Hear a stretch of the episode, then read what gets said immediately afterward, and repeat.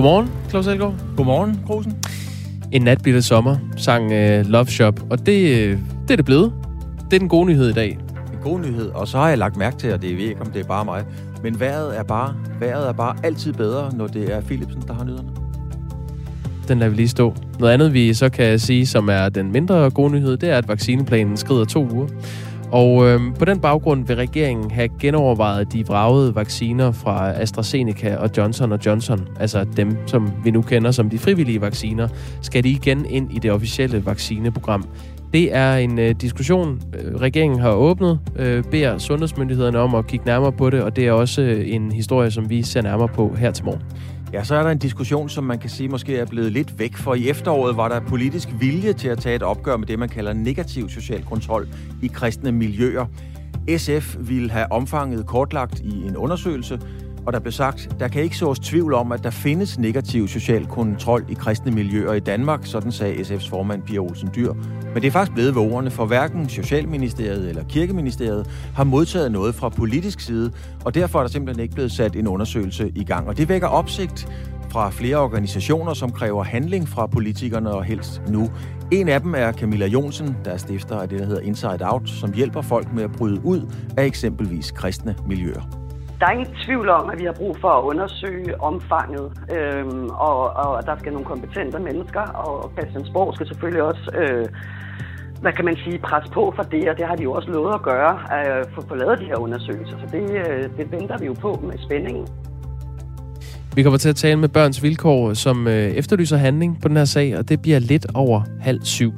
En anden sag, vi skal kigge nærmere på, det er historien om tre mænd, der risikerer fængsel i en øh, spektakulær sag om smugling af hundevalpe fra Polen.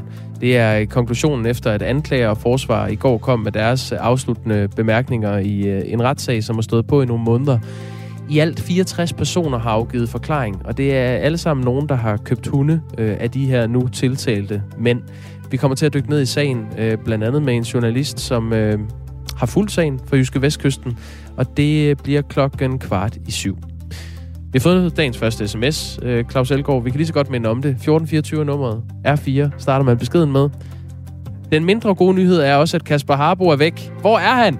Er der en øh, lytter, som øh, er relativt øh, optaget af Kasper Harbo, øh, der skriver, kære lytter, øh, Kasper Harbo har det altså godt. Han er bare fri. Han øh, er tilbage på torsdag kan vi sige. Ja, og der er jo ro på. Vi vil ikke have revolte. Vi, det, det skal, vi mener til besindighed derude.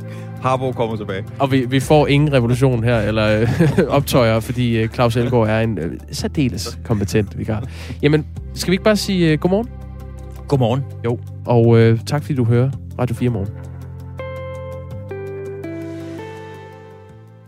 Og vi kan lige så godt kaste os ud i det, fordi at øh, det er en breaking news. Nu skal hunde nemlig også til at se tv.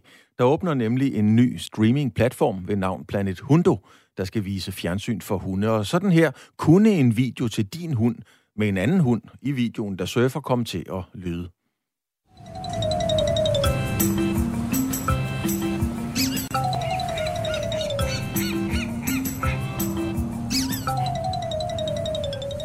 Kanalen skal sende 24 øh, timer i døgnet, og det er med indhold, der, indhold, der er designet direkte til hunde.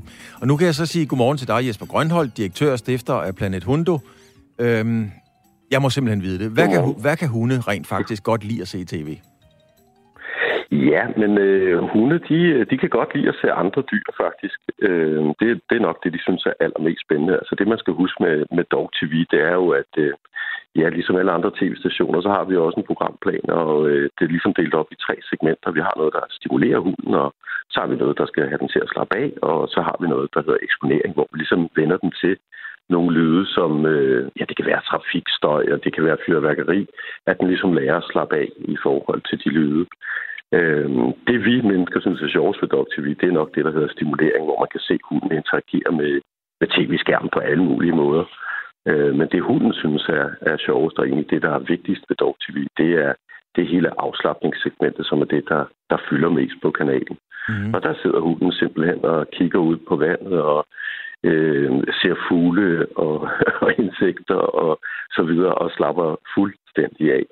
Altså nu er, altså, øh, det er jo sådan, at øh, nu, nu får vi forholdsvis få sms'er fra hunden herinde på Radio 4. Hvorfra ved du, at øh, de hunde, hunde kan godt lide at se det her? Jamen, det ved vi fra, at øh, det er jo et amerikansk selskab, og øh, det startede helt tilbage i 2012, og desværre er der ikke så mange danskere endnu, der kender til Dog TV. Øh, men der gjorde man det, at man gik ind og har kigget på diverse øh, forskning omkring hunde, deres adfærd og deres sanser, Øh, og der har man så prøvet på at strække noget indhold sammen, øh, baseret på 60 videnskabelige studier. Og derudover så har man testet det af på øh, 38 hunde, øh, hvor man har overvåget dem i, øh, i døgndrift for at se, hvordan de reagerer. Dels de hunde, der har mulighed for at se dog-tv, dels øh, folk, der bare havde sat almindelig tv til, og så nogen, der ikke brugte tv overhovedet. Og der var det altså helt markant den øh, indflydelse, som dog-tv øh, gav hunden i forhold til at, at slappe af og komme af med angst og sådan nogle ting. Øh, og jeg skal da ærligt indrømme, altså jeg var da selv skeptisk, da jeg hørte om dog-tv første gang. Men øh, jeg har prøvet det på min egen hund, Chica. Og ja, altså man skal jo træne sin hund ligesom til så meget andet til at se dog TV. Øhm, og, og det gjorde jeg så, og jeg var, jeg, det, det hjælper, det gør det. Og, og det jeg så har prøvet at gøre med Planet Hundo, det er jo at bygge et univers op omkring Dog TV, øh, for at få folk til at lære det. Og, og ja, altså hvordan får jeg det glade budskab ud? Ja, dels så taler jeg heldigvis med dig i radioen her, men så har vi jo også lavet tilbud. Prøv det gratis. Øh, det er jo mm. noget, danskere kan forstå. Men der er slet ikke, øh, det slog mig bare lige, der er slet ikke noget at gøre med, at der er jo rigtig mange mennesker, som rent faktisk ejer en hund, og ikke omvendt, øh, som kunne finde på at se det her, så der ligger jo også nogle reklamerkroner i det. Ja. Nej, det gør der faktisk ikke. Øh, der er overhovedet ikke reklamer på Dog TV. Øh, men ja, der er faktisk folk, som synes, det er, det er rigtig sjovt at se Dog TV. En af de mere kendte er en skuespiller, der hedder Billy Bob Thornton, som er udnævnt fan af Dog TV, som elsker at sidde og kigge på afslappningssegmenter, fordi der er så dejlig musik og nogle skønne billeder. Det man gør jo er, at man, man går ind og farvejusterer øh, de ting, man optager, sådan at hunden kan se det. Altså hundens syn er jo væsentligt dårligere end menneskets, sådan at de kan opdage, hvad der sker på skærmen. Øh, og det vil sige, at, at farvejusteringen på skærmen ser lidt syret ud, så det kombineret med noget god musik, ja, det synes Billy Bob Thornton i hvert fald er meget sjovt. Kan man ikke, kan man ikke bare, nu, nu jeg elsker Søren Ryge, men, men kan man ikke bare sætte noget på med Søren Ryge og hans beroligende stemme? Det kan da få en hver bisk gårdhund til at falde i søvn. Jo, jo, men ved du hvad, der er jo også alle, mange, mange mennesker i dag, der enten bare sætter tv på eller tænder for radioen. Det, der er det specielle ved Dog TV, det er, at man har målrettet hunden. Man har taget højde for, hvad er det for nogle lyde, de godt kan lide, så der ikke kommer nogle lyde, de bliver bange for. Øh, hvad, er det godt, hvad er det, de godt kan lide at se og farvejustere efter det. Øh, altså det, man blandt andet så, det var jo, at der var nogen, der havde tændt for Animal Planet, der man overvågede de her hunde. Og så kom der lige pludselig en krokodille på skærmen, det kunne de ikke lide øh, og blev bange. Så det er simpelthen at tage, at tage højde for det. Altså hvis der nu lige pludselig kommer breaking news øh, på kanalen, og hunden er alene hjemme, og der er bomber og raketter, og hvad ved jeg, jamen så bliver hunden decideret bange. Øh, og det er det gode ved Doctor det sker ikke der. Hvad med, øh, hvis vi sådan går lidt mere over i den øh, uartige genre? Altså, der findes jo bjørne, der får lov til at se bjørneporno, for ligesom at komme, skal vi sige, humør til at parre sig, især med hinanden. Undskyld, ej, nu, det er jeg simpelthen nødt til at bryde ind i. Hvad? Ja, det er sandt. Hvor det, findes det hen? Jamen, det bruger man jo i, øh, i hvad, hvad hedder de her, vores øh, kinesiske bjørne her. Øh, så, som, så, så ser de jo porno. Pandabjørn ude i Zoologisk Ja, pandabjørne ser, ser ganske enkelt Nu har jeg aldrig. Okay. Det, det er det... En, en historie fra det virkelige liv. Så, så nu spørger jeg så... Jeg fortsætter bare. ja. Grusen skal lige uh, have en så vand. Øhm, men, men kunne man få... Altså, kommer der også sådan noget tv, hvis, hvis en, en hund skal være paringsklar? Øh, nej. Nej, det kan jeg så garantere, at det, det gør der ikke. og, og hvorfor egentlig ikke? Jeg ved du hvad, for at være helt ærlig, så har jeg da slet ikke tænkt over det. Øh, jeg kendte heller ikke det koncept, du lige nævnte før. Det lyder faktisk spændende og sjovt. Jo, det er faktisk øh, sandt, at man har rent faktisk vist øh, pandabjørne porno for at få dem til at, at gøre det, som bjørnen nu skal gøre, for at der kommer nogle flere bjørne, og især i pandasgenren. Så, uh, ja, men hvis, det, hvis de er glade, de bjørne, så er det jo kun godt. Ja, og hvordan, uh, altså, vil der komme forskellige programmer, altså kommer der reality-serier, kommer der ja, quizprogrammer, det, og det lyder sarkastisk, men det, det er faktisk ikke for at være det. Det er ren nysgerrighed. Altså, hvad er det for et program indhold? Jamen indholdet, det er jo overhovedet ikke øh, skabt til mennesker, og dermed heller ikke øh, øh, diverse tv-koncepter. Det er jo, altså, hvis man ikke skal bruge koncepter, så er det jo genre rettet til hunden. Det vil sige, som jeg nævnte før, noget, der får hunden til at slappe af, noget, der stimulerer den, noget, der får den til at lære ting omkring, ikke at blive bange for, for lyde og øh, andre ting, der omgiver hunden til daglig. Øh, det er egentlig det, man gør. Og altså, det er jo, det, det er jo indhold, sådan, hvor, man, øh, hvor man virkelig har, har gjort sig umage, og man ved for eksempel, at, øh, at hun synes, det er sjovere at, at, at se giraffer, end at, end at se en kat. Det er jo ret sjovt. det kan godt være rigtig skægt at se en giraf. Altså, det kan det i hvert fald. Jesper Grønholdt, jeg kan se, at øh, min øh, kollega Jakob Rosen har faktisk været inde og google øh, på, på panda og porno. Noget du har fundet noget, Jakob? Ja, det er not suitable for work, men øh, jeg har været inde og finde noget. Det er fra, øh, det er godt nok 2006, men ja, 6. Det er øh, nogle thailandske forskere, som på det daværende tidspunkt fandt ud af, at det faktisk kan øh, få safterne til at stige hos øh, pandabjørnene, hvis de fik lov til at se det, der hed, det er så i 2006, så det var på DVD, men altså timevis af pandabjørne porno. Altså pandabjørne, der parrede sig. Og det, øh, det gav faktisk et opsving. Der var en forøgelse på 19 unger i forhold til året før, hvor de fik lov til at se øh, pandabjørne porno. Så det er bare et, øh, det kunne være et input, kan man sige. Øh, Øh, ikke for at, at træde i genren, men, men det kunne det da være.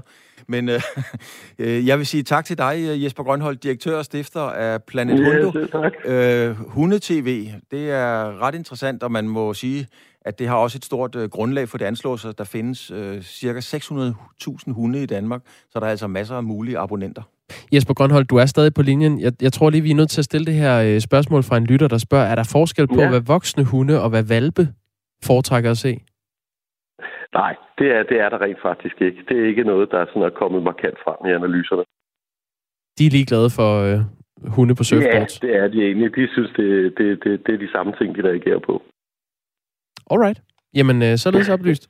Tak, fordi du var med. Okay. Og det der, var så lidt. Tak for det. God der, dag. Der er kommet en, øh, en sms-grusen fra Arne, Øhm, og Arne, han skriver her, jeg tror, Arne er humor. Tak for denne, Arne. Kan man forestille sig et program med titlen Paradise-internatet. Paradise-internatet med Vendilsen. Masser af drama. Jamen, det kunne man da sikkert godt, Arne. Jeg tror efterhånden, at de her 17 minutter af, dagens program bevidner, at man kan forestille sig meget. ja. øh, 17 minutter over 6 er klokken. Øh, vi skal til noget, øh, noget helt andet.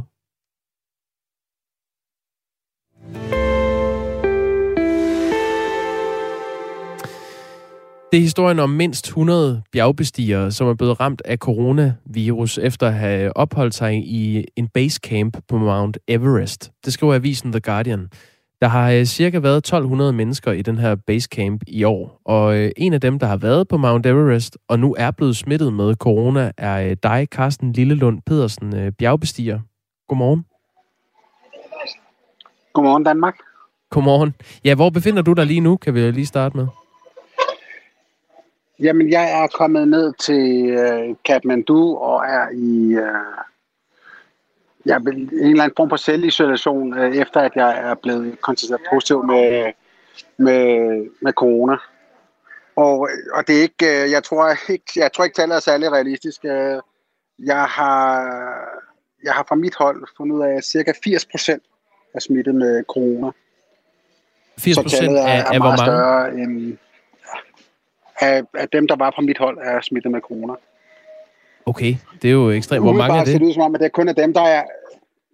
Umiddelbart ser det ud som om, det kun er dem, der er øh, vaccineret med Pfizer eller Moderna-vaccinen, som er sluppet for, for corona. Okay. Øh, flere spørgsmål, det Carsten Lillund øh, Pedersen. Der er lidt forsinkelse på linjen, det er derfor, vi kommer til at tale lidt ind over hinanden en gang imellem. Det må man lige øh, øh bage over med. Øh, når du siger, at, at 80% af dem på dit hold er smittet med corona, hvor mange mennesker er det så? Jamen, vi er cirka mellem øh, 50 og 80 ekspeditioner på øh, Everest i år. Det er lidt svært at regne ud, fordi nogle ekspeditioner har små ekspeditioner inde i sig. Øhm, og, og jeg vil gætte på, at de tal, vi først hørte fra nogle af de andre hold, der var det næsten hele holdet, der havde øh, der var blevet smittet med corona, og det samme er jo så også tilfældet for mit hold. Vi havde også en bjergbestiger, som vi næsten ikke kunne holde i live, og han var i forvejen vaccineret med Johnson Johnson-vaccinen. Øh, og det ser ud som om, at det kun er dem, der er, har været vaccineret med Pfizer eller Moderna-vaccinen, som er sluppet for coronasmitte, indtil videre i hvert fald. Det virker vildt nok, at, øh, at det ligesom bliver sat ud af kraft, øh, vaccinevirkningen, når man, øh, når man er højt oppe. Er, er man sikker på, at det ikke også er en blanding af, af højdesyge og coronavirus? Nej, og det er også et godt spørgsmål, og det er også der, det er, det er svært at at diagnostisere på selve bjerget. Fordi den medicin, vi tager mod højdesyge, og den medicin, man tager mod corona, øh, er den samme. Altså vi spiser dexamethason, vi spiser nogle af de samme øh, antibiotika, som man har øh, brugt mod øh, corona. Så det ligner hinanden. Men øh, vi havde en bjergbestiger, der var vaccineret med Johnson Johnson, og i basecamp kunne vi næsten ikke holde ham i live, selvom vi gav ham ilt hver nat. Og vi måtte til sidst øh, støtte ham for at komme ind i redningshelikopteren og komme ned. Og, og han var så positiv. Om han så har smittet os videre, eller om jeg har fået det fra nogle af de andre på Everest, det er, det er svært at sige. Det lyder stærkt ubehageligt, og du er så også blevet testet positiv for, øh, for corona, efter du har været på den her øh, bjergbestigning på Mount Everest, og sidder så i øh, hovedstaden i Nepal, Kathmandu. Øh, hvorfor tror du, at coronavirusen har spredt sig så meget, som den har i, øh, i lejren? Altså, vi, vi er, på en bjergbestigning er man meget tæt, og selvom at vi har øh, fået udleveret både gummihandsker og mundbind, så kan man jo ikke bestige et bjerg på den måde. Øh, og vi går jo og altså er svært ved at trække vejret, fordi der er jo tynd luft.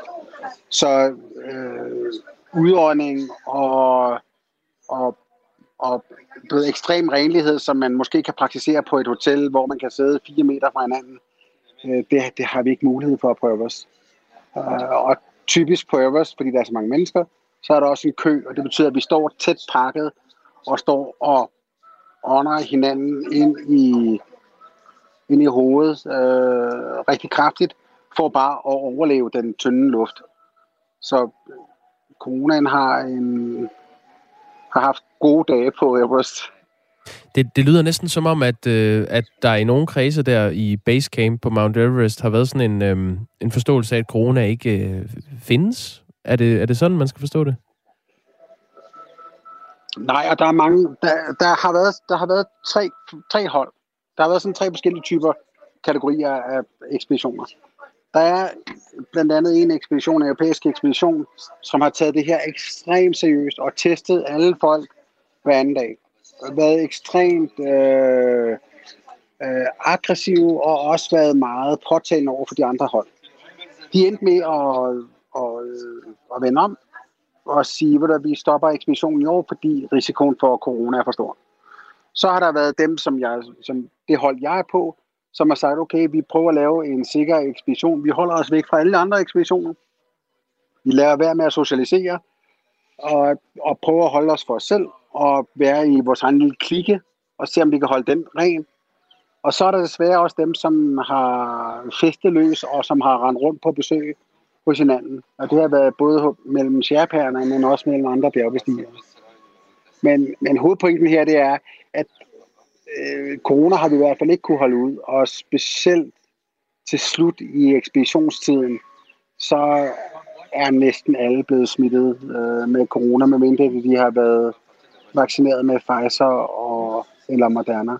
Så den, de artikler, der er i øjeblikket omkring at i Danmark at tage Johnson Johnson-vaccinen op igen. Altså, jeg vil hellere have en selvvandsindsprøjtning end en Johnson Johnson-vaccine. For nu har jeg set, hvor, hvor hård den øh, corona har været, og, og hvor lidt betydning den Johnson Johnson-vaccine har, har haft på dem, som er blevet vaccineret i forvejen. Det er jo et indspark til en uh, historie, som vi også er på her i Radio 4 morgen uh, i dag. Den med, uh, med vaccineplanen i Danmark, som bliver udskudt, og derfor har regeringen ja. bedt sundhedsmyndighederne om at, at revurdere, om man skal i hvert fald tage Johnson Johnson uh, tilbage i brug i det uh, officielle uh, vaccinesystem. Um, Carsten Lillelund Pedersen, har I på dit hold, altså igen, hvor, hvor mange er I på, på det hold, og har I været øh, testet negative, inden I tog afsted, øh, dem som ikke var vaccineret, eller hvordan har I prøvet at sikre jer? Altså, øh, alle øh, altså i hele verden har jo været underlagt de generelle regler om, at man skal have en PCR-test, der er negativ, for at få lov til at flyve. Mm. Så man er, ikke kommet til, man er ikke kommet til Nepal og har været positiv. Øh, man har i hvert fald haft en negativ PCR-test, inden man er kommet til Nepal. Efter vi lander i Nepal, så er, blev vi kørt direkte til hospital og har fået en negativ PCR-test og får lov til at flyve op i bjergene. Så vi har i hvert fald to negative PCR-test, inden vi overhovedet starter øh, med at møde nogle af de andre bjergbestigere. Og i Basecamp har jeg taget tre quick-tests, efter at vi anede jo ikke, at, at den her syge bjergbestiger, vi troede, han havde højdesyge. Og jeg troede faktisk, at han havde pulmonary embolism. Så vi, vi er op, ved, vi, vi behandlede ham som om, at han havde højdesyge, og ikke som om, han havde corona. Han var jo vaccineret i forvejen med Johnson Johnson-vaccinen. Mm. Um, og han havde symptomer på, på højdesyge. Men vi tog alligevel, uh, jeg har taget tre uh, negative quick tests i Basecamp. Um, for at du, være lidt mere sikker, eller føle mig lidt mere sikker på, at, at jeg ikke var smittet, og at jeg ikke kunne smitte andre. Uh, men da jeg kom ned, uh, og også på bjerget, har jeg oplevet nogle symptomer. Og da jeg kom ned, så, så testede jeg positiv på en PCR-test. Hvad er dit eget bud på, hvordan du har jeg skal have pådraget dig? Ja, hvorfor tror du, at du selv er blevet smittet? Altså, hvordan har du fået det, tror du? Ja, det, det kan jo kun smitte via andre mennesker. Så jeg blev smittet af nogle andre bjergbestigere, som, som også er blevet smittet. Og jeg ved, at det hold, vi lå tæt på, der øh, hørte vi, da de kom ned, at stort set alle sammen også var, var testet negativ. Eller undskyld, testet positiv øh, på coronaen. Så, så coronaen har haft det rigtig godt i Camp 2. Det er sådan det ud i hvert fald lige nu.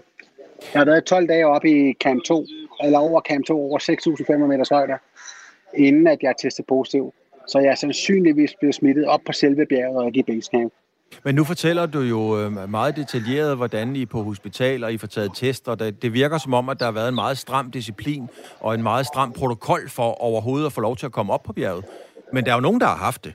Så, så er der sprækker i, i rustningen? Altså, altså er der andre, der kommer ind uden ja. at være under opsyn?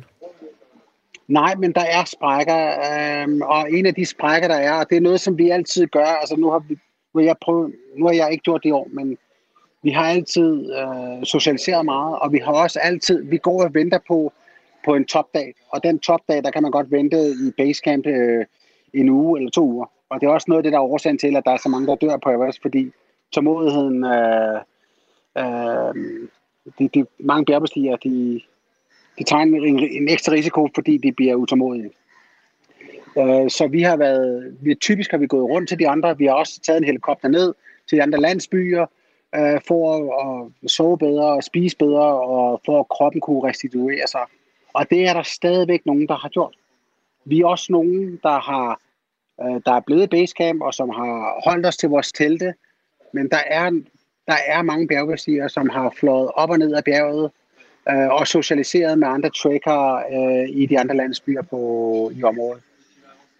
Nu sagde jeg før, at øh, der har cirka været 1200 mennesker i basecampen i, øh, i år, Carsten Lille Lund Pedersen. Altså, hvorfor er du egentlig taget sted her under en pandemi for at, at bestige et bjerg? Hvorfor har du ikke ventet? Øh, vi har, der er en chance om året til at bestige Everest. Um, Hvorfor ikke vente til næste år? Alt andet, jamen det, det gør jeg også. Jeg kommer tilbage til næste år også. Uh, til næste år, der har jeg jo så til gengæld været positiv, uh, altså blevet, været blevet smittet, plus at jeg øh, forhåbentlig har fået en Pfizer-vaccine. Um, så til næste år, der, der er det fantastisk på, på Everest. Det ser også ud som om, at nogle af de andre sygdomme, vi har haft på Everest, at de er, enten har de bare ikke været til stede, eller også har den mindre turisme i området øh, gjort, at, øh, at nogle af de andre øh, sygdomme er, ikke har kunne øh, udbrede sig. Fordi når jeg plejer at komme til Everest øh, Basecamp, så plejer de fleste bjergbestigere at hoste og være syge, og nogle hoster så meget, at de brækker ribbenene. Um, så, så mange, mange af de andre sygdomme, de, de har stort set ikke mm. eksisteret. Om det er fordi folk har været vaccineret, eller om det er fordi, at coronaen øh, har skubbet Kumbukorf, som vi kalder den, øh, hoste ud, det, det ved jeg ikke, men der har været meget mindre sygdom i Basecamp, end der plejer at være. Det er jo den gode Coronaen nyhed, så. har så til gengæld haft det godt. Carsten, ja, det, coronaen ja. har haft det godt. Carsten Lillund Pedersen, vi når desværre ikke mere, men tak fordi du var med. Ja, selv tak. Og øh, pas godt på dig selv. Øh, Carsten Lillund Pedersen, ja, altså øh, bjergbestiger, øh, som blev smittet med coronavirus på Mount Everest, med på en krystalklar linje fra Nepal. Imponerende. Det er vildt, hvad man kan.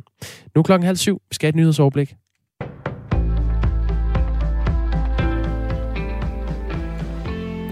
Der vil være lige så mange relativt fattige børn, selv hvis man gennemfører alle anbefalingerne fra regeringens ydelseskommission, det skriver Jyllandsposten i dag. Da kommissionen præsenterede sin reform af de sociale ydelser i går, der lød det ellers, at dens forslag ville løfte mellem 4.000 og 6.000 børn i kontanthjælpsfamilier over den relative fattigdomsgrænse. Men i det regnestykke, der har man ikke taget højde for et midlertidigt børnetilskud, som allerede har opnået cirka den samme effekt, skriver Jyllandsposten. Og fordi kommissionen ikke foreslår at fortsætte med det børnetilskud i deres reformforslag, så vil resultatet altså reelt være, at antallet af familier under fattigdomsgrænsen er uændret. Det bekræfter kommissionens formand Torben Tranæs over for Jyllandsposten. Det får nu både SF, Enhedslisten og Radikale Venstre til at kritisere udspillet. Smitten med coronavirus har de seneste dage fået et godt tag i Dragør Kommune, og derfor så opfordrer man nu borgerne til at være ekstra opmærksomme. Thomas Sand fortæller. Kommunen på Amager er nu en af landets hårdest ramte med et testjusteret incidenstal på 202 smittede per 100.000 indbyggere. I tirsdags var tallet 63. Kun Samsø Kommune har højere incidenstal. Borgmesteren i Dragør Kommune, Eik Bidstrup, tager sagen alvorligt. Vi har sendt fire skoleklasser hjem, og vi sender nu et brev ud til alle borgere over 18 år. Vi beder dem om at være ekstra opmærksomme, siger han til TV2 Løje. Borgerne får et fysisk brev eller brev i e-boks med velmenende opfordringer om at tage sig i agt og lade sig teste. Eik Bidstrup oplyser, at smitten særligt har ramt de 45-59-årige, og at den har spredt sig til indskolingen på Dragør Skole, men derudover ved kommunen ikke, hvor smitten kommer fra. Det fortalte Thomas Sand. Og senere i dag, der vil Dragør Kommune afgøre, om der er behov for at lukke yderligere ned i daginstitutioner og skoler. Sri Lanka står midt i en alvorlig miljøkatastrofe i øjeblikket. Et fragtskib med 25 ton farlige kemikalier ombord har nemlig stået i røg og flammer siden den 20. maj ud fra kysten ved Sri Lankas hovedstad Colombo. I mere end 11 dage har redningsarbejdere forsøgt at slukke branden, som blandt andet påvirker livet i havet i en sådan grad, at den altså bliver betegnet som den værste miljøkatastrofe i nyere tid i landet. Det skriver avisen The Guardian. Fragtskib Skibet har haft øh, over 1400 containere ombord, der blandt andet indeholdt 300 ton benzin og en type mikroplast, der bruges til at lave plastikposer. Og af farlige kemikalier har skibet blandt andet haft salpetersyre med i lasten. Undervejs så er dele af de her varer skyllet ind på kysten fra skibet, og myndighederne i Sri Lanka frygter, at mikroplast fra skibet kan ende med at skade miljøet i flere år frem. Det skal være slut med at tale om den britiske, den sydafrikanske eller den brasilianske coronavariant, det mener Verdenssundhedsorganisationen WHO. Den opfordrer nemlig medier, myndigheder og andre aktører til at begynde at henvise til coronavarianterne med bogstaver fra det græske alfabet, som led i et nyt system til navngivning. Formålet er at undgå at stigmatisere bestemte lande, og systemet skal altså bruges til de varianter, som man holder særligt godt øje med, for eksempel fordi de har en øget smitsomhed eller dødelighed. Med det nye system så vil varianten B117, som vi kender som den britiske variant, blandt andet få navnet Alpha, og B1351, der blev opdaget i Sydafrika, bliver så til beta, og sådan fortsætter systemet. En vejrudsigt, der byder på øh, sol i løbet af eftermiddagen, lidt mere øh, byemæssig øh, vejr i den østlige del af landet, og ellers temperaturer dagen igen mellem 18 og 21 graders varme.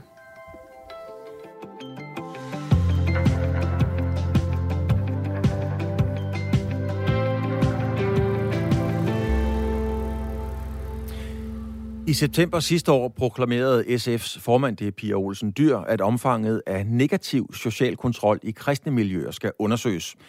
Der er brug for mere viden om negativ social kontrol i kristne miljøer. Vi ved fra børns vilkår, at der er problemer, og rapporter fra nabolanden viser det samme, og det sagde Pia Olsen Dyr altså til Kristelig Dagblad. Siden er der faktisk ikke sket noget.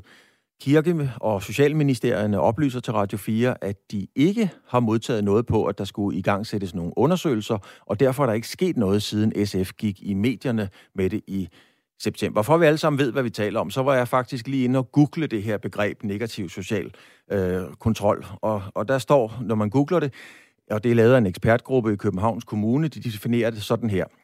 Der er tale om negativ social kontrol, når individet gennem pres, tvang eller vold begrænses i sin livsudfoldelse og ret til selvstændig valg angående eget liv og fremtid.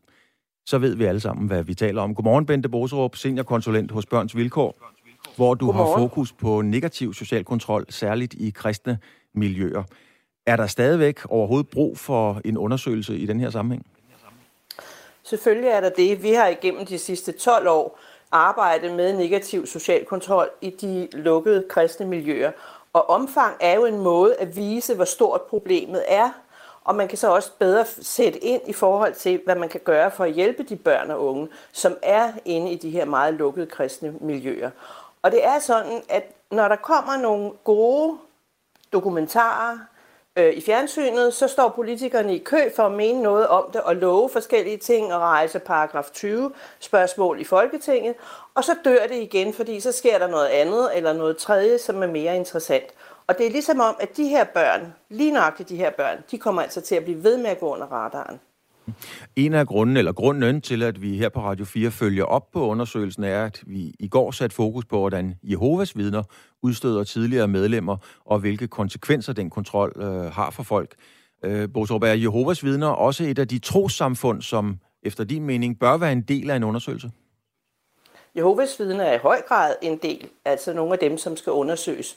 Fordi vi ved jo, at de her børn, som er i Jehovas vidner, også nogle af dem, der er Smits venner og mormonerne for eksempel, også nogle af de unge, jeg har talt med, at de, hvis de ønsker at bryde ud og ikke vil være en del af det fællesskab, så står de fuldstændig alene.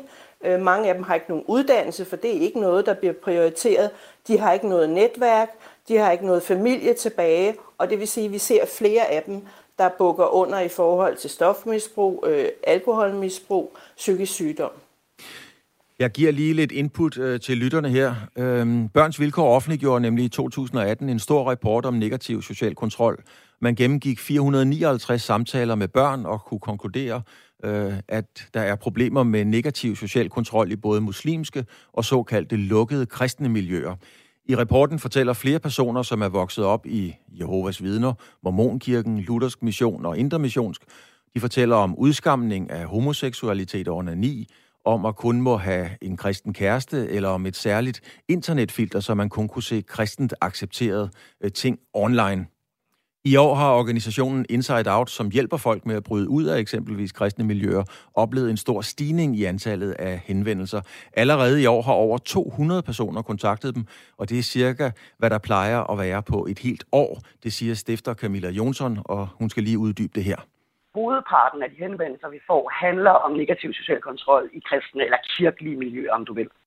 Har du noget konkret eksempel på negativ social kontrol i kristne miljøer?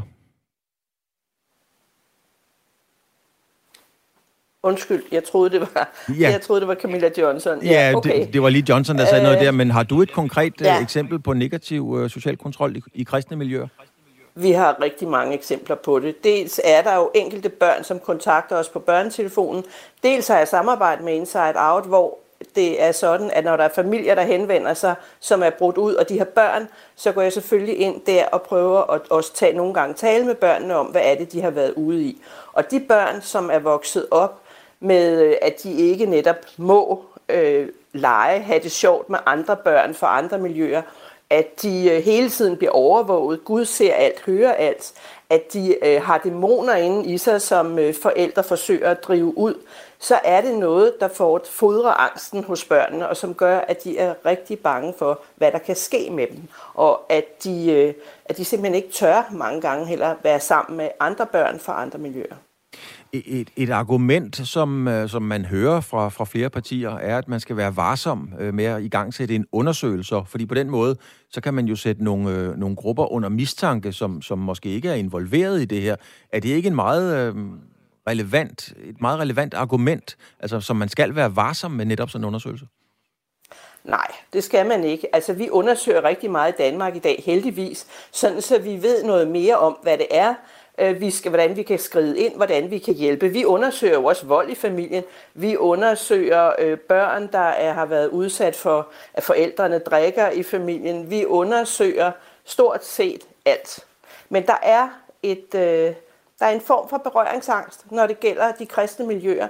Der er jo virkelig efterhånden bygget meget viden op omkring de øh, etniske danske, eller de etniske minoriteter. Øh, og der er vi jo ikke nogen berøringsangst. Der går vi frejdigt til den og, øh, og gør alt, hvad vi kan for at hjælpe de børn, som, øh, som har det svært i de miljøer. Men lige så snart det handler om vores egen kristendom, så bliver det svært, og så er vi bange for at røre ved det. Selvfølgelig skal vi undersøge det, ligesom vi undersøger alt andet. Det er den eneste måde, vi kan hjælpe børnene på. Bente Boserup, øh, vi ville jo gerne have forelagt SF øh, den her kritik. Det er jo SF, der er ude og sige, at øh, det her det er noget, vi skal øh, kigge på. Altså, øh, det var sådan set, ordene var, der er brug for mere viden om negativ social kontrol i kristne miljøer. Øh, vi ved fra børns vilkår, at der er problemer, og rapporter fra nabolande viser det samme. Det var det, Pia, Pia Olsen Dyr sagde. Og siden de gik i medierne med det, SF, i september, er der ikke sket noget. Øh, vil du ikke lige sætte nogle ord på, hvad du mener om, øh, om den nølen? Jamen, jeg synes ikke, det er acceptabelt, fordi vi har brug for den undersøgelse, vi har brug for mere viden, og vi har brug for at hjælpe de børn, der er i de her miljøer. Og det skylder vi dem, og det bør øh, SF øh, tage fat i og holde fast i, også når der ikke er dokumentarer. Jeg spørger nemlig, fordi vi øh, senere på morgenen, det bliver om en øh, lille times tid, har debatten, og det bliver mellem Dansk Folkeparti og så Enhedslisten, fordi SF ikke stiller op her til morgen. Hvad er det for en følelse, Bente Botrup, du sidder tilbage med? Altså, er det afmagt? Er det vrede? Eller, eller hvordan har du det egentlig med, at du, du har kendskab til nogle problematikker, men der sker ikke rigtig noget? Jeg synes ikke, vi kan være det bekendt over for børnene. Vi kan ikke være det bekendt over for de familier, der bryder ud, som står fuldstændig alene og ikke får nogen hjælp. Og vi bliver også nødt til at øh, tilbyde lærere, øh, andre fagpersoner, viden om, hvad de skal gøre, når de møder de her børn ude i skolerne eller i daginstitutionerne, socialrådgiverne, der møder familierne øh, ude i kommunerne. Vi kan ikke forlange, at de skal have en uddannelse om det, men vi kan forlange, at de har et sted, de kan gå hen og få hjælp, faglig støtte, sådan så at de her familier ikke kommer til at stå så alene. Bente Boserup, seniorkonsulent hos Børns Vilkår. Tak fordi, at øh, du ville være med her. Selv tak. Og øh, Grosen var lidt inde på det. Vi vil rigtig gerne have forelagt SF-kritikken. Vi vil øh, blandt andet gerne have spurgt om, hvorfor de lover at tage negativ kon- øh, social kontrol i kristne miljøer øh, alvorligt ved at undersøge det, og så bagefter så handler de ikke på det. Det vil vi gerne have spurgt om, hvordan det hænger sammen. De har ikke ønsket at stille op til et interview. Deres pressemedarbejder skriver til os i en sms, at det ikke er en sag, de kommer til at prioritere frem mod sommerferien. Og som vi også nævnte, så har vi i stedet for en debat mellem Dansk Folkeparti og Enhedslisten. De er jo enige om, at omfanget af negativ social kontrol i kristne miljøer skal undersøges, og det er efter nyhederne kl. 7.30. Vi får nogle øh, sms'er, Claus Helgaard, blandt øh, andet den her fra øh, Katarina, der lytter med fra Fyn og skriver, godmorgen. Hvad gør de for at løse problemerne? Det kom frem helt tilbage i øh, 2015, at der er meget social kontrol i de muslimske miljøer, men det er stadigvæk ikke ændret. Det er så trist, skriver Katarina, og øhm, sætter fokus på social kontrol øh, blandt muslimer. Mariem skriver, hvor er det opråb for vores kristne politikere om social kontrol? De står altid i kø med kritik, når det er muslimer. Jeg tænker, de to sms'er indkapsler på en eller anden måde meget fint den debat, der er om det. Ja, vi kan kun sige, at vi har virkelig gjort, hvad vi kunne, og vi bliver ved med at gøre, hvad vi kan, i forhold til at få Pia Olsen Dyr og SF øh, til at reagere på det her. Men øh, vi, vi får ikke, skal vi sige, adgang til interview. Det er altid nemmere at sige, at man vil gøre noget, end rent faktisk at gøre noget. Klokken er 16 minutter i syv. Og vaccineplanen skrider to uger. Øhm, det er, var aftens store historie i, øh, i går, og fylder selvfølgelig også meget i dag. Regeringen vil have genovervejet de her øh, droppede vacciner øh, fra den officielle øh, vaccinationssystem, øh, AstraZeneca og Johnson og Johnson. Sundhedsminister øh, Magnus Heunicke var i går ude og sige, at, at det skyldes, at der er en forsinkelse på moderne vaccinerne i hele Europa. Øhm, nu har jeg fulgt lidt med i, hvad, hvordan det går med leverancerne osv., og, og øh, det er altså ikke overraskende. Altså det, det vidste man altså godt for et par uger siden, at det var, øh, det var det billede, vi kunne se ind i. Men det er i hvert fald det, man tager konsekvensen af nu. Øhm, Magnus Heunicke sagde, at i juli og august er vi helt op på at miste 1,4 millioner doser øh, fra Moderna. Og selvom vi får 300.000 flere fra Pfizer, så går regnestykket simpelthen ikke op. Og det gør altså, at den officielle vaccinationskalender, øh, som det ser ud nu, bliver forsinket med cirka 14 dage. Jeg tør knap tro på, at, at det holder, som det er der. Nej, altså øh, journalist eller ej, eller skolelærer eller ej, det kan godt som borger være lidt svært at finde nogle retningslinjer for, hvad man egentlig skal tænke og tro mange gange. Det kan du ret i. Øhm, jeg har lyst til at spille et klip med sundhedsminister Magnus Heunicke, som øh, i går uddybede over for DR, hvorfor han synes, at man skal genoverveje de her droppede vacciner. Så sagde han sådan her. Det er jo helt tiden frivilligt, om, om man vil lade sig vaccinere, og for mig er det helt afgørende, at man har den største tillid til vores øh, myndigheder og til deres øh, beslutninger og til vores nationale vaccinationsprogram. Og vi har lavet en tilvalgsordning ved siden af, som der er stor interesse for, og der er mange, der kan bruge den. Det synes jeg er helt glimrende. Og så har vi vores nationale vaccinationsprogram, som jo skal basere sig på øh, den øh, nyeste og bedste viden. Og når der er udvikling, jamen, så er vi nødt til at være klar til at lave en ny analyse. Og jeg synes, alt andet ville være mangel på rettidig omhu. Hvis ikke vi sagde, okay, der er sket noget her, så lad os se, om øh, beslutningen stadigvæk holder. Ja, det sagde øh, sundhedsminister Magnus Heunicke om den her øh, indstilling til sundhedsmyndighederne om at genoverveje øh, beslutningen om at, øh, at tage AstraZeneca og Johnson Johnson helt ud af øh, den officielle vaccinationskalender. Øh, Jan Pravsgaard Christensen, som er øh, professor ved Institut for Immunologi og Mikrobiologi, øh, sagde i går til Danmarks Radio, det virker lidt mærkeligt, at man genovervejer noget, når situationen ikke har ændret sig. Hvis vi nu så, at mange flere var smittede, så kan jeg forstå, at man begynder at spørge sig selv, om der ikke var en stor gevinst ved at genindføre Johnson Johnson. Men jeg kan ikke rigtig se, at der er noget, der har ændret sig siden sidst man lavede vurderingen, lyder det fra ham. Og øh, jeg har hørt noget tilsvarende fra Camilla Fode, som er professor i vaccinedesign på Københavns Universitet. Hun er meget uforstående over for, at de her to vacciner, som først blev droppet, nu er bragt i spil igen. Det sagde hun til TV2 i går.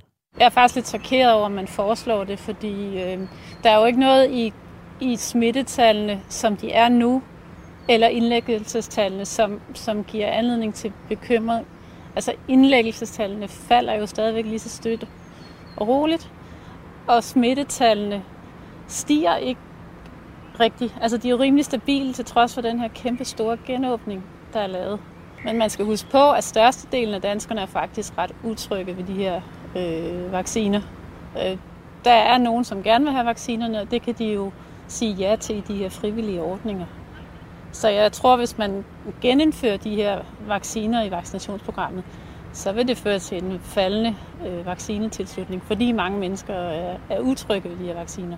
Det er så frygten fra professor i vaccinedesign på Københavns Universitet, Camilla Fode. Hun er simpelthen bange for, at tilliden til det her system øh, kommer til at falde for meget, når man sådan tager nogle vacciner ud, fordi de er farlige, og så putter dem ind igen, fordi de nu kan bruges alligevel.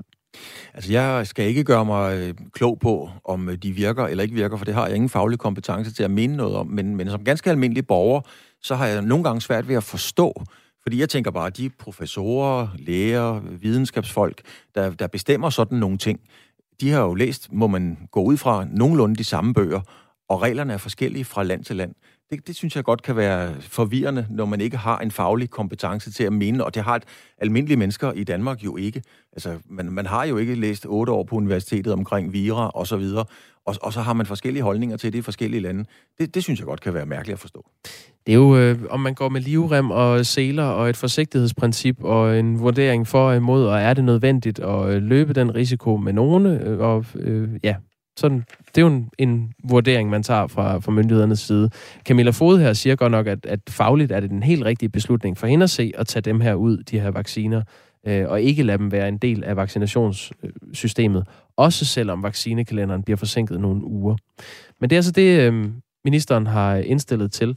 Hvis vi sidder og kigger på, øh, på dagens øh, coronatal, altså dem, der kom i øh, går eftermiddag, så ser det altså ja, man kan godt tillade sig at sige, at det ser godt ud i Danmark. Der er lige nu aktuelt 153 indlagte med corona. Det er selvfølgelig ikke øh, godt for, for dem og de pårørende osv., men det er ikke et stort tal i forhold til den øh, genåbning, vi, øh, vi er i gang med. Ud af de 153 er 34 personer på intensiv, og heraf på intensivafdelingen og i respirator 22 i skrivende stund. 22 mennesker. Ja, og i andre lande, der venter man, øh, i England venter man på en, øh, på en bølge 3 øh, til OL i, i Tokyo. Der er 6.000 læger, der vil have hele skidtet aflyst, fordi at øh, man er bange for, at det, det løber fuldstændig løbsk. Øh, nogle steder er man ved at åbne op. Det kunne være i Sverige for eksempel, og for ikke ret mange dage siden havde vi historier om, at det hele var overbelastet. jeg, synes det, jeg synes simpelthen, at det efterhånden er svært at følge med i. Det er jeg enig i, og det tror jeg ikke, at vi er enige om og, og synes, Claus. Vi har fået en sms her. Øhm, vaccineplanen, tager den udgangspunkt i, at alle, der kan få en vaccine, også får den. Ellers vil der være et stort mørketal med folk, som ikke vil have den, skriver Fynbogen. Øhm, jamen til det kan vi jo sige, at det er, det er jo frivilligt, om man vil have den vaccine. Og hvis man siger nej til en vaccine, man bliver tilbudt, jamen så rører man bag køen. Ja. Øhm, Peter skriver, hvad med de borgere, der har fået to forskellige vacciner? Deres pas gælder ikke i udlandet, kun i Danmark. Hvad vil myndighederne gøre for disse 150.000? Skriver Peter, som åbenbart er oplyst på, øh, på omfanget af, af de borgere. Det er et godt spørgsmål. Øhm, det er ren kapitalisme, er der en, der skriver, at regeringen ønsker kun at sætte gang i samfundet, ikke passe på folks helbred. Og øh, så er der en, der skriver her, at regeringen burde undersøge social kontrol blandt coronas vidner.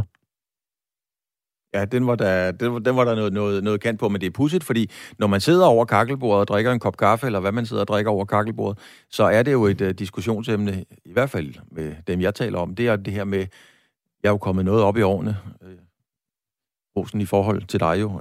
Ah, vil, vil man eller vil man ikke have denne her vaccine? Det er blevet øh, et meget, meget... Øh, det er jo et emne, man diskuterer, ligesom vejret, eller om Danmark kommer videre til EM-slutrunden i fodbold. Det er det første mange steder, man sætter sig ned og diskuterer, vil man have eller vil man ikke have det her stik? Det er klart. Det fylder alt. Øhm, og det fylder også alt, hvis man vil deltage i noget i samfundet. Jamen, så er det jo smart at have en vaccine. Nå, vi, lader, vi parkerer den her, og så øh, vender vi tilbage til den øh, senere. Vi kommer til at tale med overlæge Anne Mette Vass øh, fra Aarhus Universitetshospital, som arbejder med blødninger og øh, blodpropper til daglig, om den her øh, idé eller indstilling til sundhedsmyndighederne om at genoverveje at tage de to droppede vacciner ind i systemet igen. Klokken er 8 minutter i syv.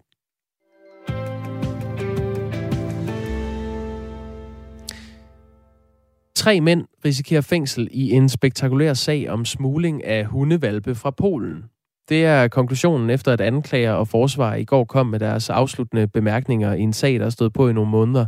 Og det er en sag, hvor tre mænd altså er tiltalt for ulovligt at importere over 100 valpe af hunderasen fransk bulldog fra Polen, og så sælge dem videre i Danmark ulovligt. Kasper Wagner Christensen er journalist på Jyske Vestkysten og har dækket den her sag tæt. Godmorgen. Godmorgen. Kasper Wagner Christensen, øh, det er jo en omfattende sag. Øh, I alt 64 vidner har fortalt om øh, deres køb af hundevalpe i, undervejs i retssagen. Og du var også til stede i retten i, i Kolding i går, da de sidste ord blev, blev sagt forløbigt. Hvilken straf krævede anklageren, at de tiltalte skulle have? Jamen, de står til lidt forskellige straffe, de her tre mænd. Man kan sige, at den, den ene mand, som er en 59-årig mand fra, fra Gram, i Sønderjylland. Øh, han, øh, han har kun været, øh, ifølge anklagemyndigheden i hvert fald, øh, øh, med i den her sag i et meget lille øh, omfang. Så han står kun til 60 dages fængsel, hvis, øh, hvis øh, anklagemyndigheden får sin vilje. Så er der den 56-årige mand fra Nordborg, der står til at få mellem 6 og 8 måneders øh, fængsel. Og sidst, men ikke mindst, så er der den 52-årige mand fra, fra, fra Kolding, der står øh, i udgangspunktet til at få 8-12 måneders fængsel, men fordi han er tidligere straffet for øh, noget narkokriminalitet, øh, fordi han har begået øh, de her forhold i, øh, i prøvetiden, så, øh, så bliver der udløst en såkaldt øh, reststraf fra hans øh, narkodom, og så kan han ende med at blive øh, straffet med fire års fængsel øh, til sidst, hvis, øh, hvis anklagemyndigheden får sin vilje. Så det er altså tre øh, mænd midt i livet. Nogen med nogle øh, større forseelser på, øh, på CV'et i forvejen, som, øh, som er tiltalt i den her sag. Hvad, hvad var forsvarens argumentation imod?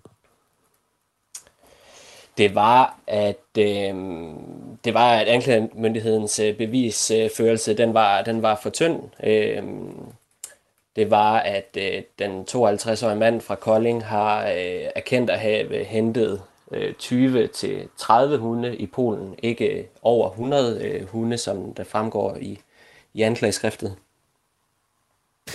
Retssagen mod de her tre mænd øh, begyndte i øh, marts og øh, drejer sig altså om ulovlig import af over 100 hundevalpe fra, øh, fra Polen, som efterfølgende så er blevet solgt videre i Danmark.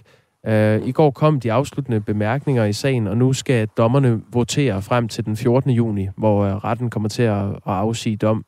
Øh, vil du ikke lige prøve at sætte os ind i, hvad den her sag sådan øh, grundlæggende drejer sig om? Jo, men den, den, øh, den drejer sig om, at øh, de her tre mænd angiveligt skulle have importeret øh, over 100 øh, fransk bulldog-valpe fra Polen. Øh, de skulle øh, angiveligt have haft øh, to leverandører i den, øh, den polske by Lodz, øh, hvor, hvor de havde kontakt til to kvinder, som øh, forsynede dem med, med de her hundevalpe. Øhm, ifølge den 52-årige fra Kolding, der, der har han øh, givet mellem 2.000 kroner og 2.500 kroner for valpene med i, i Polen, og så har han øh, fragtet dem med hjem, typisk i, i lejede biler, og så solgt dem videre for en 8-9.000 kroner, og så på den måde øh, have scoret en, en eller anden form for fed fortjeneste. Øh, de her mænd, de har så bare ikke haft øh, erhvervsmæssig ret til at, at sælge hunde. Øh, de har så heller ikke, ifølge anklageskriftet, øh, fået de her hunde vaccineret mod øh, blandt andet rabies. Øh, samtidig så har, har flere af de her hunde været, været syge. Øh, du var tidligere inde på, at 64 øh, købere har givet forklaring i retten. 14 af de her købere har fortalt, at deres øh, hunde har haft øh, giardia, som er en, øh, en parasit, der, der giver mild til alvorlig diarré øh, hos de her hunde. Øh, politiet har også selv oplyst øh, tidligere, at, øh, at hundene har haft øh, forskellige, øh, forskellige sygdomme. Jeg har, jeg har talt med en kvinde selv, der, der måtte aflevere sin hund, simpelthen fordi den, den var for syg til, at øh, hun kunne have den, efter hun havde købt den. Ja, og når man øh, taler om, hvorfor, hvorfor er det her øh, egentlig ulovligt, øh, så viste det sig nemlig, at det her med, med sygdommene, som, øh, som du også er inde på, øh, Kasper Wagner øh, Christensen, og så er de heller ikke, de har ikke været øh, registreret som importører ved Fødevarestyrelsen, hvilket man skal. Og det, den er blevet efterforsket sagen af den specialiserede dyreværnsenhed ved øh, Sydøstjyllands politi. Hvad har mændene Præcis. selv forklaret undervejs? Jamen altså, øh, den, den 59-årige fra Gram, øh, han har nægtet at udtale sig. Øh, den øh, 56-årige mand fra Nordborg har, har givet en meget sådan formel øh, forklaring, hvor, øh, hvor de fleste svar de lød noget i retning af ja, nej, eller det, øh, det erindrer jeg ikke. Og den, den 52-årige mand fra Kolding har, har da afgivet forklaring, men, øh, men det var ikke øh, altså en øh, lang øh, forklaring, han gav. Men han, han fortalte det her med, at han... Øh, han godt kunne erkende at have kørt øh, nogle gange over grænsen til, til Polen og, og have hentet de her hunde, men, øh, men ikke lige så mange, som, øh, som de er tiltalt for. Øh, han fortalte, at han havde hentet mellem 20 og, 20 og 30 hunde i, i Polen. Kasper Wagner Christensen, der er jo også nogle modtagere i det her. Og vi ved jo alle sammen, at hvis man farer ned på det lokale værtshus og køber et dyrt fjernsyn for 1200 kroner, jamen så, så er det jo hælervarer. Altså er der nogen af dem, der har købt og aftaget de her hunde, som risikerer at komme i problemer? Ikke, ikke hvad, hvad jeg ved af. Øhm, øh, anklagemyndigheden øh, sammenligner det lidt med en øh, bedragerisag. Øh, man har købt noget, og så har man måske ikke helt fået, hvad, hvad man øh, havde håbet på, man øh, havde, havde betalt for. Øh, men jeg, jeg, jeg, har, jeg tror ikke, at nogle af de her øh, mange købere, de, øh, de selv kan ende i fedtefadet. Hvad øh, regner du med, der kommer til at ske, når den her dom skal falde den øh, 14. juni, øh, Kasper Wagner Christensen? Jeg vil helst ikke øh, spekulere for meget i, hvad, om de her mænd de bliver dømt. Øh, det er sådan lidt min opgave at dække det objektivt. Øhm, øhm, så, så jeg tør ikke rigtig øh, komme med et bud på, om de bliver dømt eller ej. Øhm. Fair nok. Jamen, øh, men det er i hvert fald en spe- spektakulær øh, sag, og vi, øh, vi havde faktisk også en aftale med en, en af de her hundekøbere. Det er lidt uklart, om det øh, er en øh, aftale, der holder her til morgen, men øh, muligvis får vi en hundekøber med lidt senere på, øh, på morgenen. Du skal i hvert fald have tak for lige at belyse sagen for os, øh, Kasper Wagner Christensen. Velkommen. Journalist på Jyske Vestkysten, som har øh, dækket den her sag tæt, siden den begyndte i marts. Vi får sms'er, Claus. Øhm, Tine fra Hirtal skriver, de forbaskede hundehandlere skulle simpelthen straffes med både fængsel og bøde, og valpekøbere burde gøre et meget bedre forarbejde. Uden købere, lige med ingen hundehandlere. Med venlig hilsen Tine i Hirtals, der kun støtter Dansk Kennelklub og FCI. FCI. Ja, den tør jeg ikke. Den skal vi lige ud og google, når der kommer Den har jeg lige nyheder. googlet her. Det er en uh, international hundeorganisation. Organiserer nationale kennelklubber som Dansk Kennelklub. Så er det i hvert fald officielt. Klokken er blevet syv.